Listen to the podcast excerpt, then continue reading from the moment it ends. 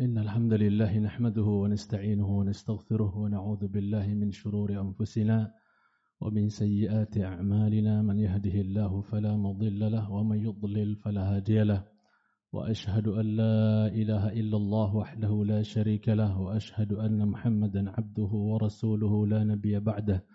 قال الله عز وجل يا أيها الذين آمنوا اتقوا الله حق تقاته ولا تموتن إلا وأنتم مسلمون. وقال يا أيها الناس اتقوا ربكم الذي خلقكم من نفس واحدة وخلق منها زوجها وبث منهما رجالا كثيرا ونساء. واتقوا الله الذي تساءلون به والأرحام إن الله كان عليكم رقيبا. وقال يا أيها الذين آمنوا اتقوا الله وقولوا قولا سديدا يصلح لكم أعمالكم ويغفر لكم ذنوبكم.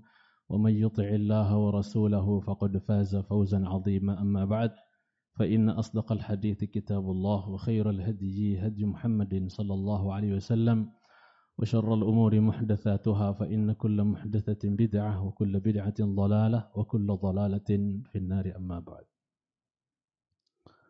Sidang Idul Jum'ah yang khatib cintai karena Allah Tabaraka wa Ta'ala Ada sebuah surat yang kiranya sering kita mendengar Surat tersebut dibaca oleh sebagian imam dalam salat-salatnya.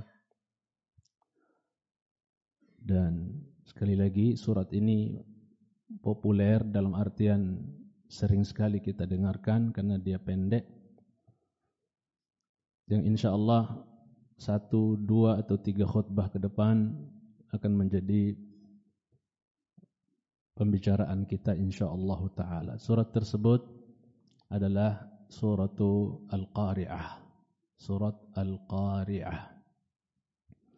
Yang dia tidak memiliki nama kecuali satu saja yaitu Al-Qari'ah. Karena sebagian surat memiliki nama lebih dari satu.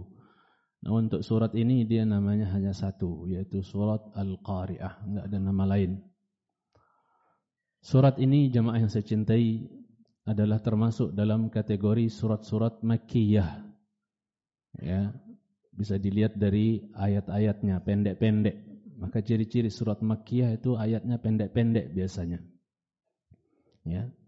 Dan kita dapatkan dalam Al-Qur'an yang mendominasi adalah surat-surat Makkiyah. Di mana jumlah suratnya sekitar 86 surat itu Makkiyah, sisanya 28-an itu adalah apa? Madaniyah. Dan kita sering dengar juga penjelasan bahwa untuk surat-surat Makkiyah titik beratnya itu adalah pembahasan seputar akidah, akadiyah, keyakinan tentang tauhid ya. Dari sini saja kita sudah bisa menilai bahwa hendaknya yang menjadi skala prioritas dalam dakwah seorang dai, seorang ustaz sebenarnya adalah apa? Perkara akidah, perkara tauhid. Al-Qur'an saja suratnya kebanyakan tentang adalah kebanyakan surat Makkiyah yang surat Makkiyah sekali lagi ya titik beratnya kepada permasalahan akidah dan keyakinan. Ya, oleh sebab itu Nabi kita sallallahu alaihi wasallam dan nabi-nabi yang lain dari mereka sejak diutus sampai mereka wafat itu fokus dakwah mereka kepada at-tauhid. Ya, dakwah mereka kepada tauhid. Dan Rasulullah SAW pun tatkala mengutus ya sebagian sahabat seperti Muad ibn Jabal untuk berdakwah maka yang dititik beratkan untuk oleh Rasulullah SAW untuk didakwahkan oleh Muad bin Jabal di negeri Yaman sana adalah perkara tauhid. Falyakun awwalu ma tad'uuhum ilaihi syahadata an la ilaha illallah wa anni rasulullah. Hendaknya dakwah yang kau dakwahkan pertama kali nanti di sana wahai Muad yaitu dakwah ya kepada la ilaha illallah Muhammadur Rasulullah. Yakni dakwah kepada at-tauhid. Ya. Terbukti Nabi kita sallam sampai detik-detik akhir hayat beliau pun ya menyinggung tentang perkara akidah.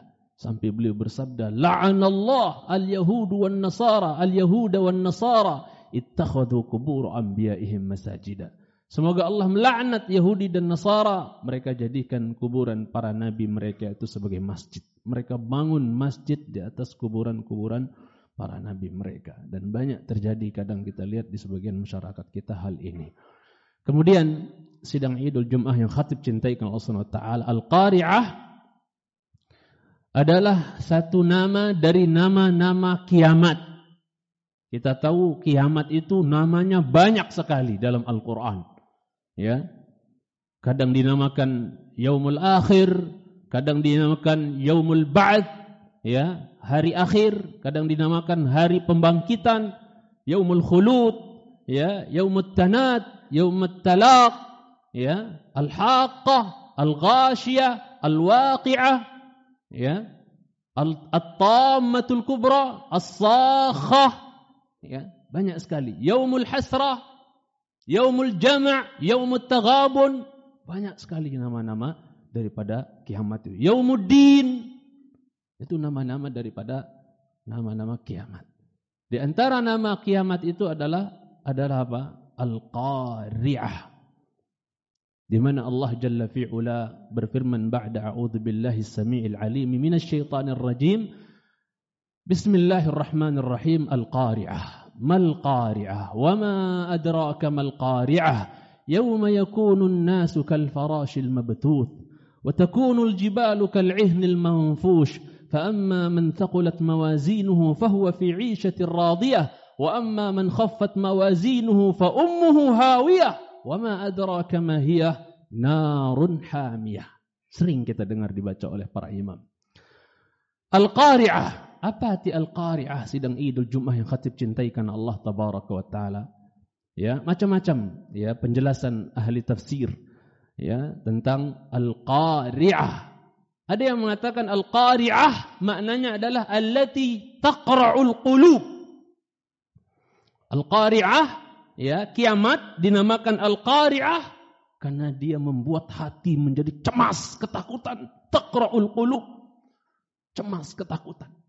Hari yang menegangkan, hari yang menakutkan, huru-hara yang dahsyat, maha dahsyat.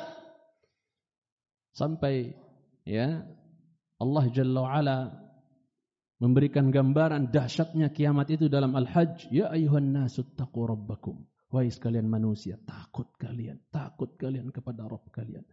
Masalahnya inna zalzalatas sa'ati syai'un 'azim. Sesungguhnya goncangan kiamat itu terlalu dahsyat kata Allah Jalla wa'ala. Sesuatu yang dahsyat. Kita diguncang gempa berapa skala sudah ketakutan. Gimana goncangan kiamat? Yauma tarawunaha tadhalu kullu murdi'atin amma arda'at. Di hari kau lihat setiap wanita yang menyusui anaknya dilepas anaknya wa tada'u kullu dhati hamlin hamlaha Ya, setiap orang yang sedang hamil itu digugurkan kandungannya.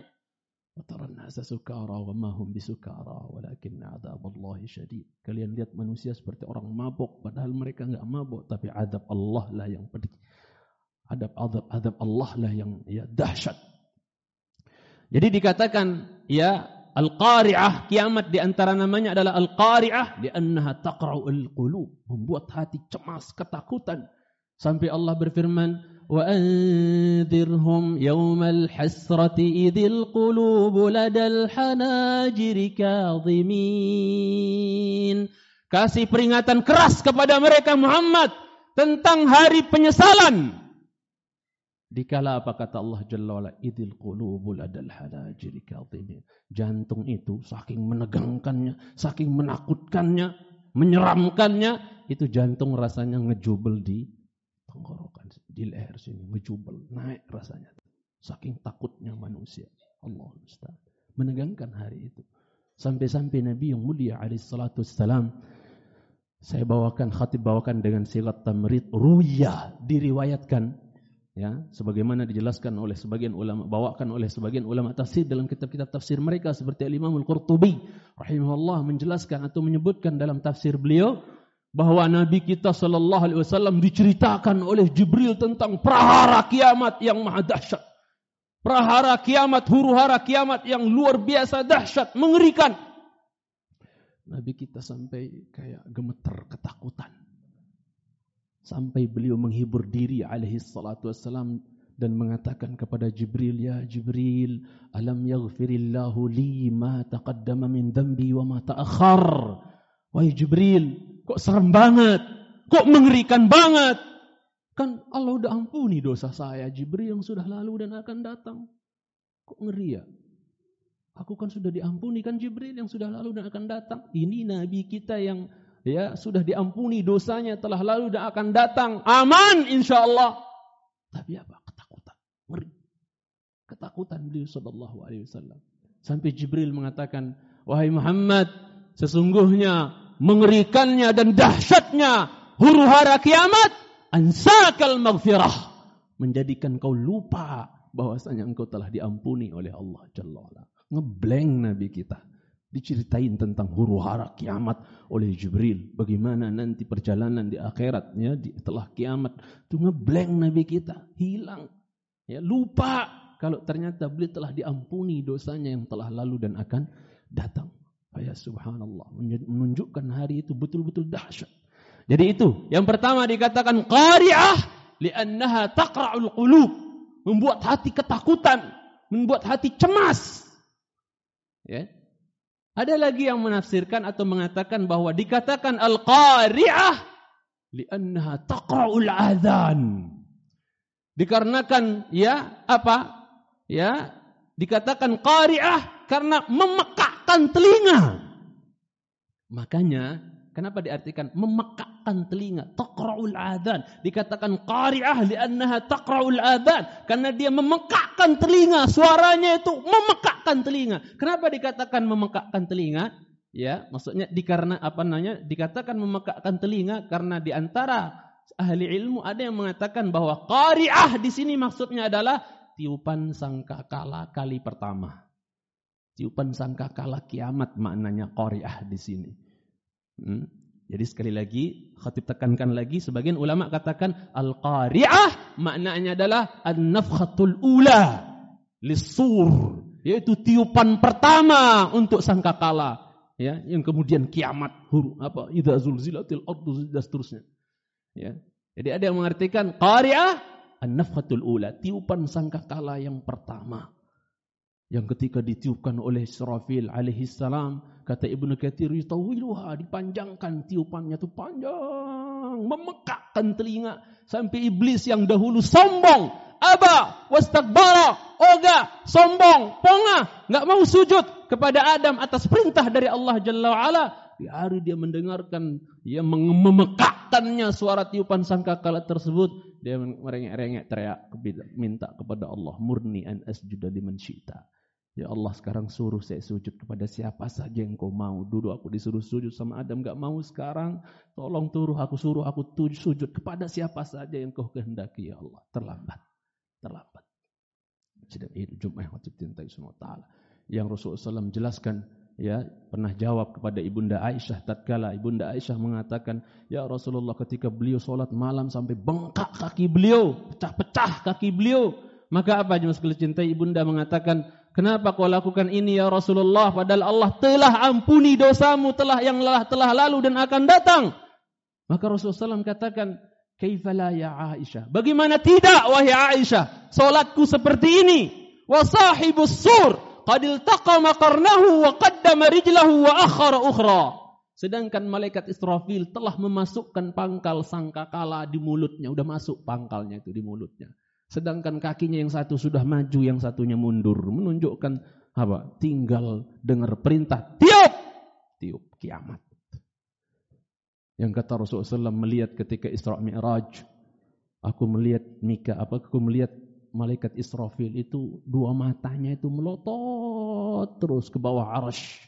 Faka'annama ainahu kawkaban durriyan. Aku melihat matanya itu bak dua bintang yang terang benderang gitu, melotot terus, nggak pernah pejem, nggak pernah kedip matanya Israfil itu terus melotot ke bawah arash. Kenapa kata para ulama? Kalau dia sempat pejemin mata, khawatirnya kalau dia pejemin matanya, belum dia buka kelopak matanya, ternyata perintah untuk niup sangkakala keluar dari sisi Allah Jalla wa'ala. Tiup!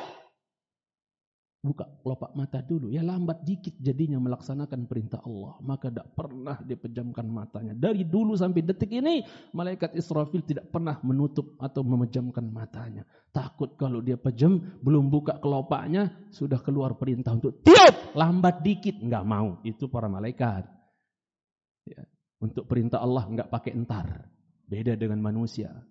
Ya. Ya, perintah Allah kadang ya banyak entarnya. Nauzubillah. Banyak entarnya. Entar dulu, entar dulu, entar dulu. Mati duluan. Waliyahdubillah. Kemudian sidang Idul Jumat yang khatib cintai karena Allah Subhanahu wa taala.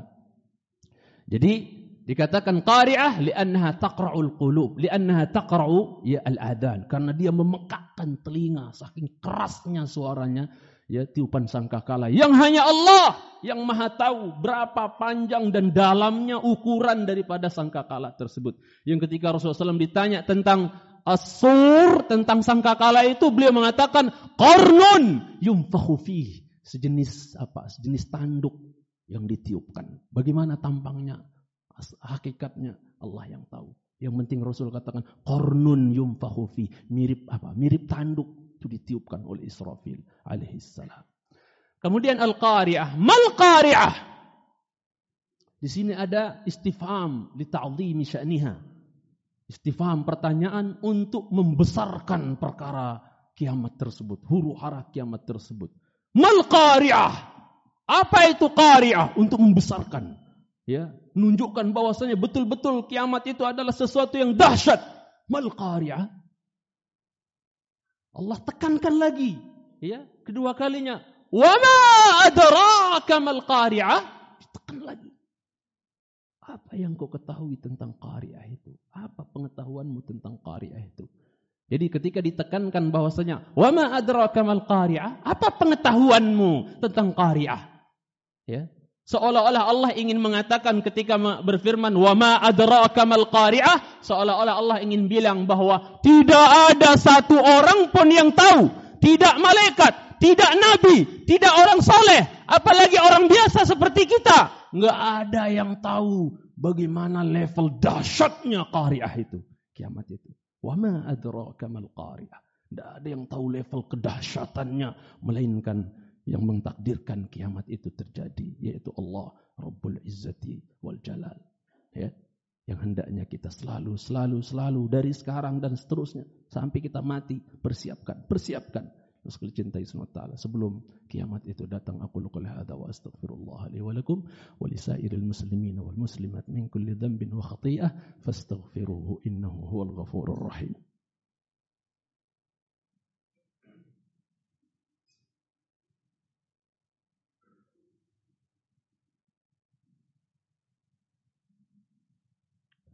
Alhamdulillah wassalatu wassalamu ala Rasulillah wa ala alihi wa sahbihi wa man walah amma ba'd. Sidang Idul Jumat yang khatib muliakan dan khatib cintai karena Allah tabaraka wa taala. Wa ma adraka mal qari'ah? Apa yang kalian ketahui tentang al-qari'ah? Ingat kalau Allah pakai ma adraka pasti jawabannya ada setelah ayat itu. Apa yang kau ketahui tentang qari'ah? Pasti Allah langsung jawab setelah itu, setelah ayat itu. Tapi kalau dikatakan wama yudrika biasanya nggak ada jawaban setelahnya. Ya, kalau wama adraka pasti setelahnya ada jawaban. Apa yang kau ketahui tentang al-qari'ah? Wama adraka mal qari'ah? Maka Allah Subhanahu wa taala menjelaskan. Qari'ah itu gambarannya begini kata Allah. Yauma yakunul jibal, yauma takunul jibalu kal'ihnil manfush. Di hari gunung-gunung itu apa? Kal'ihin. Seperti bulu-bulu. Ihin itu dalam bahasa Arab sidang Idul Jumat adalah bulu yang berwarna-warni, kayak bulu yang habis dicelup gitu lah. Jadi ihin itu artinya bulu-bulu yang berterbangan, yang apa? Yang berwarna-warni. Ya. Di hari gunung-gunung seperti ihin, seperti bulu-bulu yang berwarna-warni. Makanya kalau nggak salah di China atau di mana ada gunung kayak pelangi gitu. Quran sudah mensinyalir bahwa ada gunung yang berwarna-warni. Ya, subhanallah. Kal'ihnil manfush. Ya. Allah Subhanahu wa taala berfirman al-qari'ah mal qari'ah wa ma adraka mal qari'ah. Mohon maaf, keliru ya, salah salah sebut ayatnya. Yauma yakunun nasu kal farashil mabthut. Khatib ada sedikit kekeliruan bahwasanya apa? Yauma yakunun nas. Lanjutan ayatnya yang tepat, yauma yakunun nasu kal farashil mabthut. Di hari qari'ah itu adalah di hari manusia seperti apa? Kal farash al. Seperti apa? Anai-anai, seperti laron yang mabthut berterbangan. Dan kalau kita lihat, renungi, coba lihat kalau ada laron musim hujan biasanya itu. Itu biasanya kalau ada api atau kalau ada lampu, itu biasanya laron pada datang. Serangga-serangga, janadib datang. Nggak pernah kita lihat ada laron atau serangga datengin sebuah sumber cahaya, entah lampu, neon atau ya api dan yang lainnya. Nggak pernah kita melihat mereka datang dengan teratur, berbaris gitu, nggak ada. Rapi itu nggak ada. Pasti yang kita lihat laron atau anai-anai atau apa bahasa itu uh, apa namanya serangga, pasti kalau mendekati sumber cahaya itu kita lihat kacau balau besar. Bayangkan, bayangkan khatib kita semua kelak di hari kiamat itu ketika kita dibangkitkan oleh Allah Jalla ala Ya, bahkan dari awal terjadinya kiamat ditiupkan sangkakala, bahkan nanti ketika kita sudah bangkit juga di padang mahsyar persis seperti laron yang nggak tahu arah. Semuanya urus dirinya sendiri, nggak ngerti kamu siapa kamu, nggak ngerti. Ya, mana nih di mana nih? Semuanya ketakutan, ada apa? Ada, masya Allah. Malah, masya Allah, ada apa? Begitu gambaran manusia di hari tersebut sedang hijau. Ya, khatib cintai karena Allah SWT. Khatib akhiri khutbah ini supaya singkat karena khatib ada acara lagi. Bahwa ya Rasulullah Shallallahu Alaihi Wasallam dalam hadis Sahih Muslim memberikan perumpamaan. Dan ini memang agak panjang kalau kita bahas. Hadis ini dijelaskan pelan-pelan singkat saja bahwa Rasulullah SAW memberikan perumpamaan bagaimana ya kondisi manusia ya di hari tersebut. Rasulullah SAW mengatakan, Mathali wa mathalukum, perumpamaan saya dengan perumpamaan kalian, kama tali rojulin, seperti seorang laki-laki, au qadanaran, yang menyalakan api. Laki-lakinya yang nyalain api adalah Rasulullah. Laki-lakinya adalah Rasulullah SAW. Sedangkan apa? Ya, nar apinya adalah neraka jahanam. Ya, neraka jahanam. Kemudian apa? Kata Rasulullah SAW, ya Kemudian apa? Fa'akhadati al-janadibu wal farash yaqa'na fiha. Mulailah berdatangan tuh. Laron-laron, serangga-serangga pada berdatangan ke api yang dibakar, yang di apa dibakar oleh seorang laki-laki tersebut. Datang tuh laron, serangga dan seterusnya. Maka apa? Muter-muter nggak jelas, ujung-ujungnya pluk jatuh ke api. Serangga tersebut jatuh. Maka apa? Ya, yang dilakukan oleh laki-laki tersebut ya yaitu buhunna anha laki-laki itu berusaha untuk menghindarkan gusah-gusah apa serangga itu supaya nggak jatuh ke api itu beliau sedang mengumpamakan bahwa bagaimana beliau sangat sayang sama kita nggak mau beliau SAW umatnya ada yang nyemplung ke jahanam sebagaimana laki-laki itu menghindarkan ya apa ya laron-laron atau serangga itu supaya nggak jatuh ke mana ke api yang dibakar tersebut. Kusa-kusa. Menunjukkan Nabi kita ingin kita semua selamat. Ya. Tapi ujung-ujungnya apalah daya. Serangga biasanya banyak. Apalah gerakan laki-laki. Banyak yang jatuh ke jahanam itu. Apa ke api tersebut. Ya. Kemudian Rasulullah SAW mengatakan, Wa ana akhidun bihujazikum anin nari.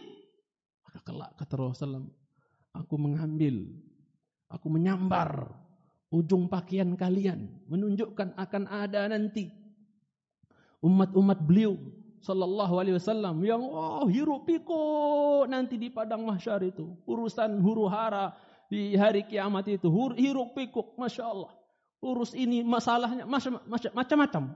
Ya, riwah permasalahan di sana. Ujung-ujungnya ada yang nyemplung ke jahanam umat Muhammad SAW ujung-ujungnya ada yang mau nyemplung ada yang terjerumus terjerembab ke dalam jahanam maka Rasulullah SAW mengatakan, wa ana akhidun bihujazikum. Kita udah pantang-panting bolak-balik, masya Allah. Gimana ini ada apa ini? Kemudian hisab, ditimbang dan seterusnya. Penentuan surga, neraka, surga, neraka, penentuan. Ada yang nyemplung ke jahanam, ada yang terjerembab ke jahanam. Nah, Nabi kita berdiri di atas apa? Kantarah, di atas sirat menunggu sambil berdoa Allah sallim sallim ya Allah selamatkan selamatkan ya Allah semua nabi mendoakan dirinya sendiri biar selamat nabi kita mendoakan kita umatnya agar selamat sallim sallim selamatkan ya Allah ada sebagian umat beliau yang mau nyemplung ke jahanam Akhidun bihujazikum. Saya buru-buru sambar ujung palik pakaian kalian disambar oleh Rasulullah SAW. Sambar. Apa masalahnya? Wa antum tafallatuna min yadi. Sayang. Sebagian kalian itu luput, lepas dari pegangan tanganku. Apa yang terjadi? Melayang ke dasar jahanam sejauh 70 tahun perjalanan dari jatuh sampai sampai di keraknya. Waliyahatubillah. Dan nanti kita akan ambil pelajaran dari hadis ini insyaallah taala. Ya. Makanya kalau mau kuat berpijak kita di atas sirat, pegang kuat agama ini. Jangan seadanya. Kita sudah bahas udhulu fi silmi kafah, masuk ke dalam Islam secara komprehensif keseluruhan di, di mimbar ini. Supaya kuat napak kaki kita di atas sirat itu. Enggak keplain. Karena sirat itu dahdun mazallah. Dia sangat licin sekali. Kalau kita nggak punya modal iman yang kuat, yang cukup, amal soleh yang cukup, eh, bahaya, bahaya. Itu yang copot dari pegangan tangan Rasulullah SAW. Lepas. اللهم صل على محمد وعلى آل محمد كما صليت على إبراهيم وعلى آل إبراهيم إنك حميد مجيد.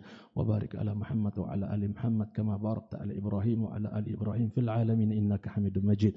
اللهم اغفر للمسلمين والمسلمات والمؤمنين والمؤمنات الأحياء منهم والأموات. اللهم يا مقلب القلوب ثبت قلوبنا على دينك. اللهم يا مصرف القلوب صرف قلوبنا على طاعتك. ربنا ظلمنا أنفسنا وإن لم تغفر لنا وترحمنا لنكونن من الخاسرين. ربنا آتنا في الدنيا حسنة وفي الآخرة حسنة وقنا عذاب النار. وصلى الله على محمد وعلى آله وصحبه وبارك وسلم. وآخر دعوانا أن الحمد لله رب العالمين. أقم الصلاة.